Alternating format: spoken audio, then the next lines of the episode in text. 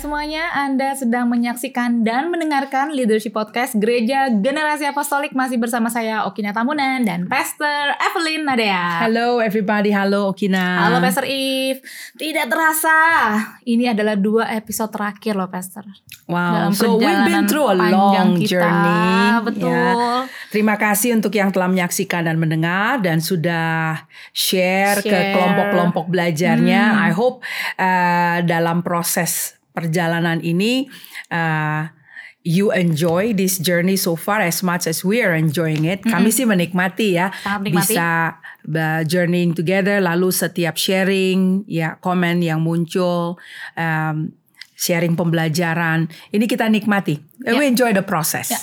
Gimana? Apakah Anda sudah mulai melihat ada em, sinaps yang baru dalam em, pemikiran Anda, koneksi-koneksi yang baru bahwa ternyata belajar itu menyenangkan ya, asal punya teman belajar. Hmm, Itu deh ya. kayaknya yang mungkin kurang saat ini.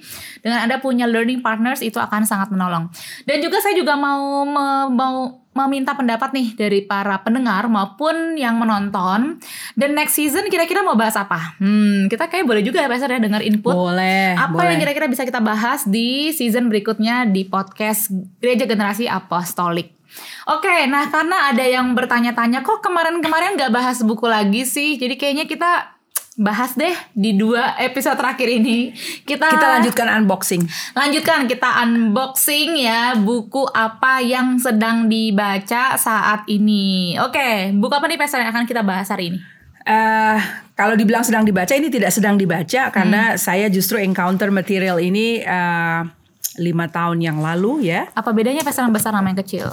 Oke, this one is managing transition. Oh, this is transition. Oh, Jadi oke. we uh, buat saya saya baca ini dulu apa transisinya ya. Jadi uh, apa yang dimaksud dengan transisi ya. Karena si ini ditulis oleh William Bridges dan banyak direkomendasikan oleh pemimpin-pemimpin gitu ya. Hmm. Uh, saya saya kenal buku ini waktu lagi ambil uh, short course leadership di Singapore dan dia direkomendasikan and then saya bersama Apostle Indri took the books lalu mulai membaca. Nah, transisi di sini adalah you know wanna make you wanna make sense gitu of life changes. Jadi ada perubahan-perubahan hidup kita tuh pengen ngerti. Dan dari sini juga saya belajar bahwa yang namanya perubahan itu ya kadang-kadang kita nggak bisa hentikan ya Ya. terjadi and changes terjadi. Tapi kemudian apakah sudah diikuti oleh proses transisinya? Karena katanya nih Pastor, satu-satunya yang paling konstan dalam hidup ini adalah perubahan. Perubahan itu sendiri. Hmm. Jadi artinya ya memang pasti selalu akan ada Selalu ada perubahan. Nah, tapi perlu disertai dengan transisi. Nah, kan aneh nih ya. Dulu saya suka pakai dua kata itu bergantian. Perubahan itu transisi. Ternyata enggak. Perubahan itu adalah fakta-fakta yang kemudian berubah gitu ya. That's realita. Tapi transisi itu lebih mengacu kepada kondisi mental Psikologis. kita, psikologisnya gitu loh. Jadi makanya kita bisa paham ya ada istilah yang bilang gagal move on. Hmm. Karena hidup sudah berubah tapi dia masih ter, emosinya masih terkait dengan, Dengan yang kondisi yang lama. lama. gitu ya. Dan, dan ini yang kemudian saya banyak belajar Hmm. dari buku ini ya. Eh, really really help me. Jadi di sini eh, kondisi-kondisi seperti apa yang berubah dan dan dan kita memaknainya seperti apa. Lalu kemudian di sini managingnya. Da- Dan waktu itu saya mengimplementasikan ini eh, untuk organisasi kita, Ya. ya. Um, I mean, a lot of people would say uh, transisi kepemimpinan, ya, uh, pindah tongkat atau dari kepemimpinan senior kemudian masuk kepada juniornya atau next gennya. Nah, itu bagaimana memanagenya? As noble as it is, ya, semulia ide itu, again, transisi itu bicara mengenai psikologisnya, Psikologis. psikologis dari kedua belah pihak Betul. dari yang memberikan tongkat dan kepada yang menerima. Generasi yang memberikan tongkat itu dan generasi saya bilang ini bukan hanya dua orang ya, Dan mereka senior yang dan junior.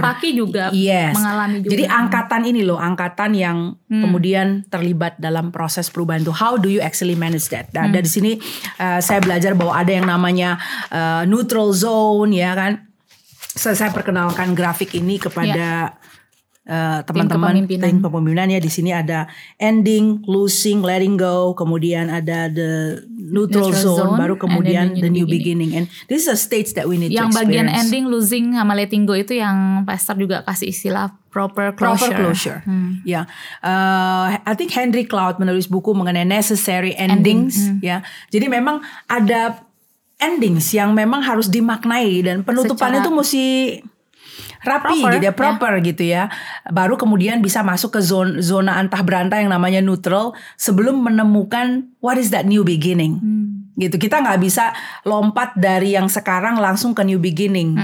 That is that uh, neutral dulu gitu loh. Di mana things really settle down before you can start again.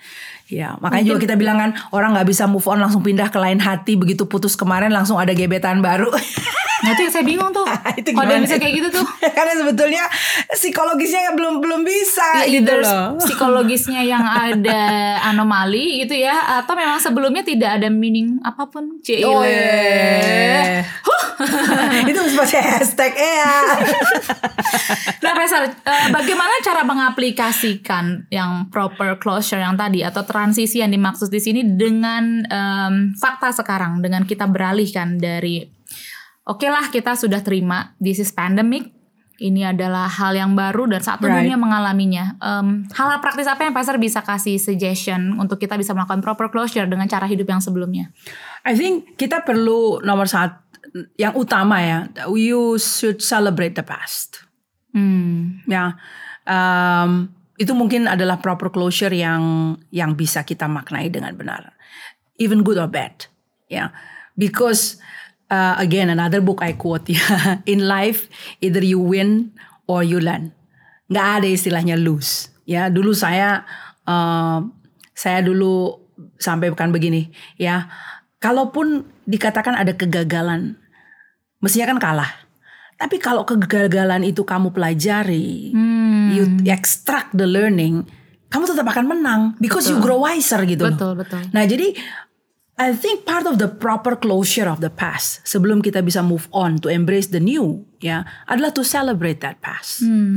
Again, saya bilang uh, saya katakan tadi uh, celebrating not because semata-mata dia bagus terus kalau bilang nggak ada bagus-bagusnya.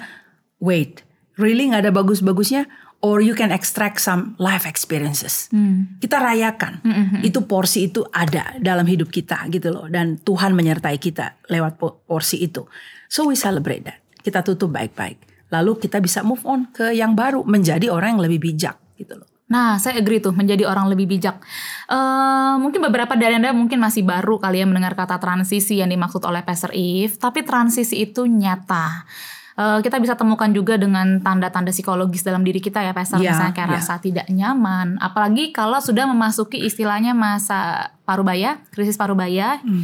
Em, ada usia-usia tertentu yang bisa Threshold- mengalami threshold itu. tertentu ya. Ya, artinya muncul rasa em, ketidakpuasan yang pesimis menghadapi masa depan Hmm. karena merasa tidak sesuai dengan standar yang ada saat ini. Akhirnya jadi ada krisis-krisis yang dialami dan itu juga adalah tanda-tanda dari transisi. Hmm. Dan tadi yang Pastor Yves sampaikan, coba deh praktekkan rayakan masa lalu. Rayakan apa yang sudah dilalui. Hmm. Pasti ada hal bagus kok yang masih bisa kita rayakan sebelum masuk ke masa yang baru. Iya. Waduh kalau ngomong mengenai transisi bisa panjang ya kita Pastor ya. Iya. Hah, cuman ya nggak apa-apa. Nanti eh, kita bisa bahas lagi di sini atau Anda bisa dapatkan pengajaran dari Pastor If. Pastor If juga pernah memberikan khotbah dan pengajaran ber- berjudul Life Transitions ya. And crossing over. And crossing over Iya. itu juga ada di Anda bisa cross check di official bookstore kita, Live Bookstore untuk Anda dapatkan pengajarannya karena ini adalah topik yang sangat menarik dan sangat bagus dan sangat penting karena kita semua pasti akan mengalami transisi dalam hidup. Karena perubahan itu konstan. Betul, karena perubahan itu Right, konstan. right. Oke, kita akan em, menjawab the next three questions. Huh, Oke, akan dimulai dari saya. Saya akan jawab bersama dengan Pastor Eve. What are you doing to attract new talent? Apa yang apa yang saat ini sedang kamu lakukan untuk menarik talenta baru? Eh, Pastor deh yang jawab dulu. Loh, you've been attracted new talents. So, Yang sedang kamu lakukan untuk menarik talenta baru. Pertama, I have to be my own self. I have to be authentic. Karena saya hanya bisa menarik yang seperti saya. Ya. Jadi yang pasti saya juga mau menarik orang-orang yang otentik. Um, otentik yang dimaksud Anda bisa dengarkan di episode-episode sebelumnya ya. Kita ada bahas kok mengenai authenticity. Jadi em, yang tentunya saya harus menjadi diri saya sendiri, menjadi diri saya sendiri, melakukan apa yang saya passionate about, yang itu adalah kekuatan saya.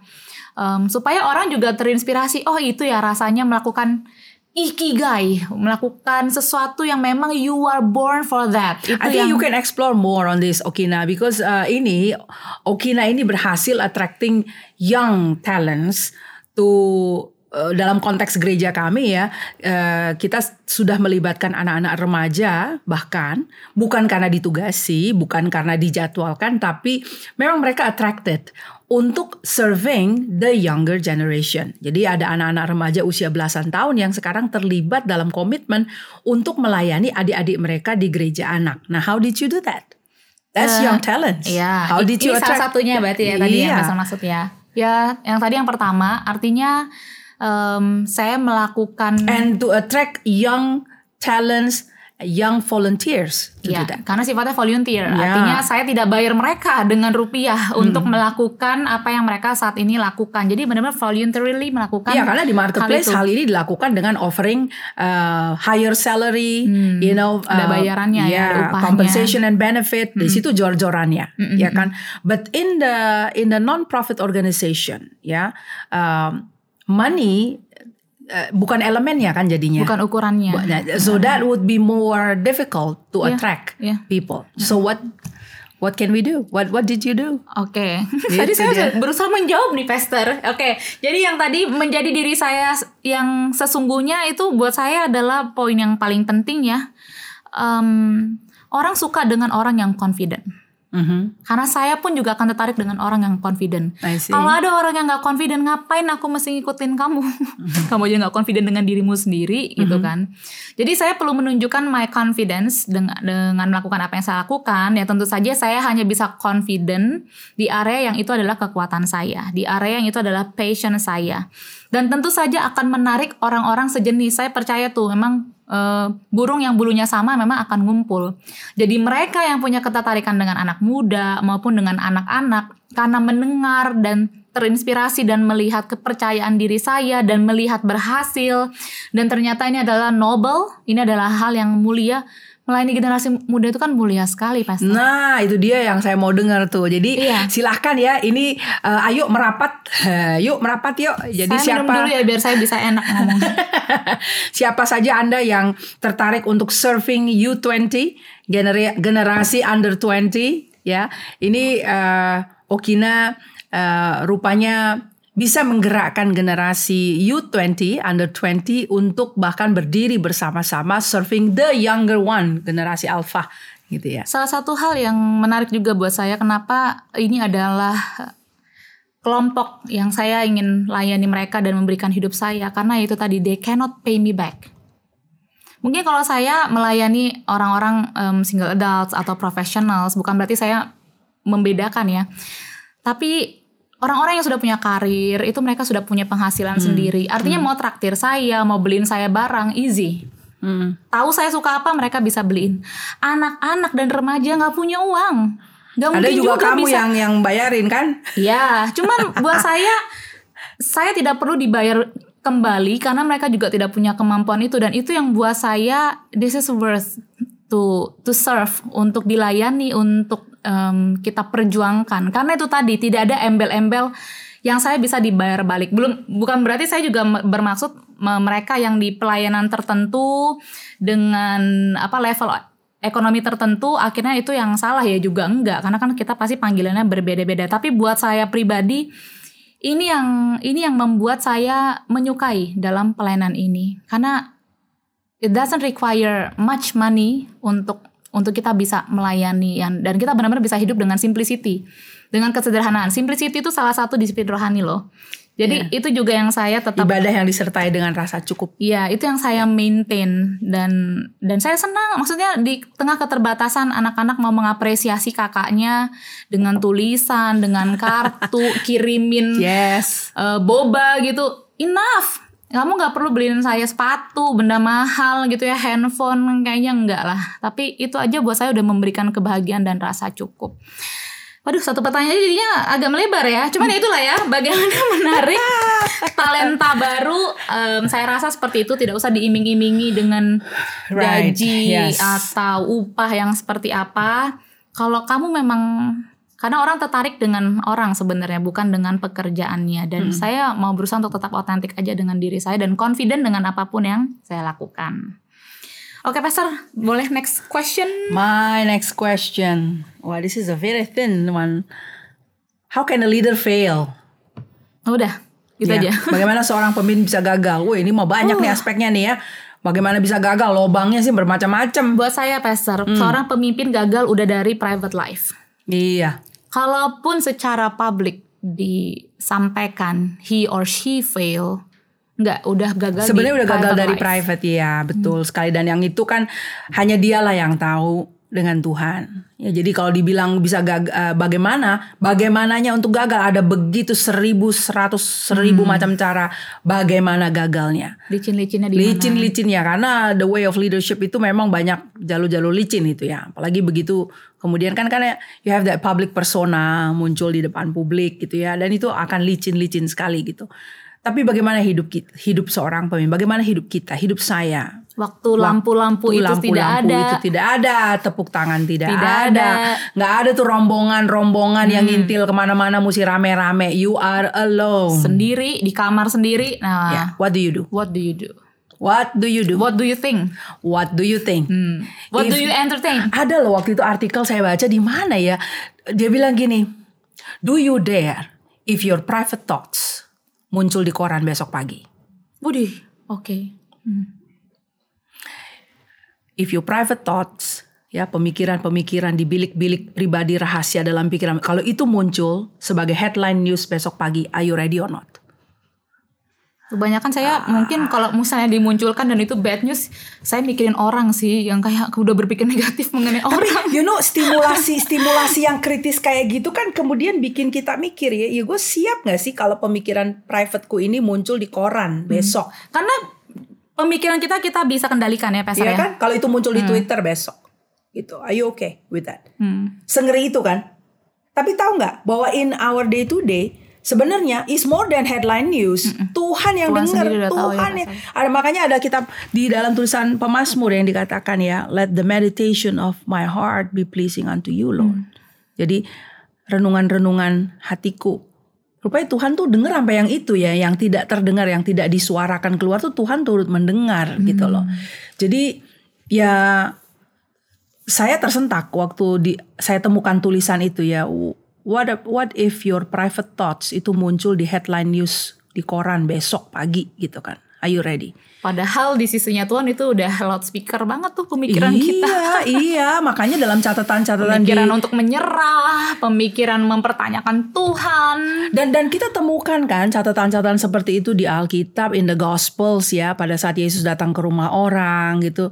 Terus pikirannya orang terus dia jawab Pemikiran loh. si Simon, ya benar, Pikirannya ya, ya benar, Simon. benar, benar. Itu jawab. Padahal itu tidak terucap. Tidak terucap, dia cuma berpikir. Dia cuma mikir. Wah, Nih Tuhan uang nih ya kalau misalnya bisa dipakai buat ini dan Ah, dijawab gitu kan. ya. Nah berarti kan Tuhan tuh mendengar pemikiran-pemikiran private kita gitu. Betul. Cuma mungkin kalau kelihatannya ah kok rohani banget ya udah si penulis yang waktu itu saya baca dia convert ide itu dia bilang dan dia bilang berani nggak kamu kalau pemikiran-pemikiran kamu yang private itu muncul di koran headline besok pagi. Ya. Eh, gitu kan. Which jadi maksudnya semua orang baca nih pikiran gue yang nggak nggak genah-genah ini yang nggak lurus-lurus ini gitu kan. Itu kan stimulasi gitu loh. Tapi sebenarnya dalam realita kan ih Tuhan dengar pikiran-pikiran kita. Berarti sebenarnya kita bisa melihat potensi seorang pemimpin atau diri kita sudah mulai mengarah ke kegagalan ya. Sometimes kegagalan yang dimaksud itu adalah isu-isu moralitas. Itu ya check your private thoughts, pemikiran-pemikiran pribadi yang itu tadi yang tidak tidak bisa didengar dan tidak bisa diketahui oleh orang, tapi memang Mazmur Daud katakan ya selidiki aku, lihat hatiku. Jadi izinkan Tuhan juga untuk lakukan checking dalam kehidupan pribadi Iya, kita. iya. Oke, itu mungkin jawaban untuk tadi pertanyaan yang Pak Srif ambil. Bagaimana dengan Anda? Oke, last question. Wih, what questions are you asking yourself lately? Pertanyaan-pertanyaan apa yang akhir-akhir ini kamu tanyakan pada dirimu? Ada. Kalau akhir-akhir ini yang saya tanyakan pada diri saya adalah have I loved well? Apakah aku sudah mengasihi dengan baik? Hmm. Kemarin saya lihat ada quotes ya. Loving well is the goal of a Christian life.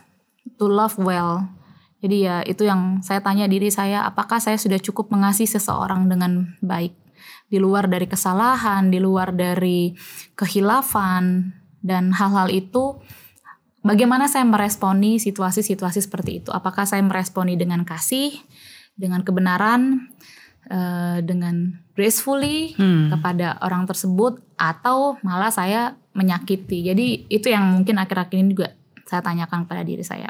Bagaimana dengan Pastor If? Hmm, there is not one particular questions yang yang popping ya. Yeah. Uh, nothing. I have not really pondering on one particular question lately. Ya. Yeah. Uh, dalam proses-proses saya belakangan ini ya reflecting back and forth ya kan uh, akan keputusan-keputusan yang saya ambil yang membawa saya ke titik ini gitu loh lalu uh, I think just reflecting back ya dalam refleksi-refleksi itu adalah uh, is there any regret hmm. ya kan jadi kalau sampai dalam hari-hari tentu saya bilang I don't regret I don't regret because I process it hmm. gitu loh hmm. jadi uh, di titik ini ada penyesalan nggak gitu do hmm. I regret any miles makanya kamu dengar belakangan ini saya suka ngomong gitu ya I don't regret uh, a mile I travel gitu karena saya dalam proses refleksi itu gitu loh uh, to make sure that there won't be any regret good or bad hmm. gitu jadi itu pertanyaannya ya apakah ada hal yang saya sesali berjalan bersama dengan Tuhan gitu konteksnya hmm. Pastor ya. ya. Amin berjalan dengan Tuhan ya kita bisa lihat ada penyesalan nggak ya gitu kan ada yang bisa disesali nggak karena nggak selamanya kan jalan tuh mulus-mulus saja saya dalam seumur hidup saya ini uh, atau di tahun-tahun saya berjalan dengan Tuhan kan nggak semuanya pendakian dari some lorong-lorong hitam dan lembah-lembah juga. Nah sekarang kalau tiba-tiba itu dimunculkan, is there any regret di situ or or saya bisa maknai dengan sisi dengan perspektif yang lain gitu loh. Karena memang Tuhan juga tidak tidak ada menjanjikan bahwa hidup itu akan indah dan mulus ya. Yeah. Yang kita ingat Tuhan janjikan sama kita bahwa Tuhan beserta dengan kita. Right. Tuhan menjanjikan masa depan yang penuh harapan. Tuhan juga menjanjikan hidup yang berkelimpahan tapi berkelimpahan itu ada dalam arti God's kind of life ya tapi hidup yang Tuhan maksud juga ya kita perlu tanya dulu ya, tanya ke Tuhan langsung gitu kehidupan yang seperti apa. Nggak mungkin yang mulus-mulus aja semuanya. Kayaknya enggak lah nggak ada ya kehidupan yang seperti itu eh, sebenarnya. Jadi bagaimana dengan anda? Apa yang pertanyaan-pertanyaan hmm. yang akhir-akhir ini anda tanyakan pada diri anda? Right um, apakah pertanyaan-pertanyaan itu berkaitan dengan Anda, berkaitan dengan orang-orang di sekitar Anda, pertanyaan atau mempertanyakan, dan itu juga kita perlu coba gali dan evaluasi lebih dalam apa yang sedang Anda tanyakan kepada diri Anda. Mm -hmm. Oke, kita sudah tiba di akhir dari episode ini dan Besok tentu saja adalah episode yang terakhir. Uh, kita berharap sejauh ini Anda sudah cukup banyak belajar bersama dengan kita. Sampai jumpa di episode berikutnya. Bye bye. Bye.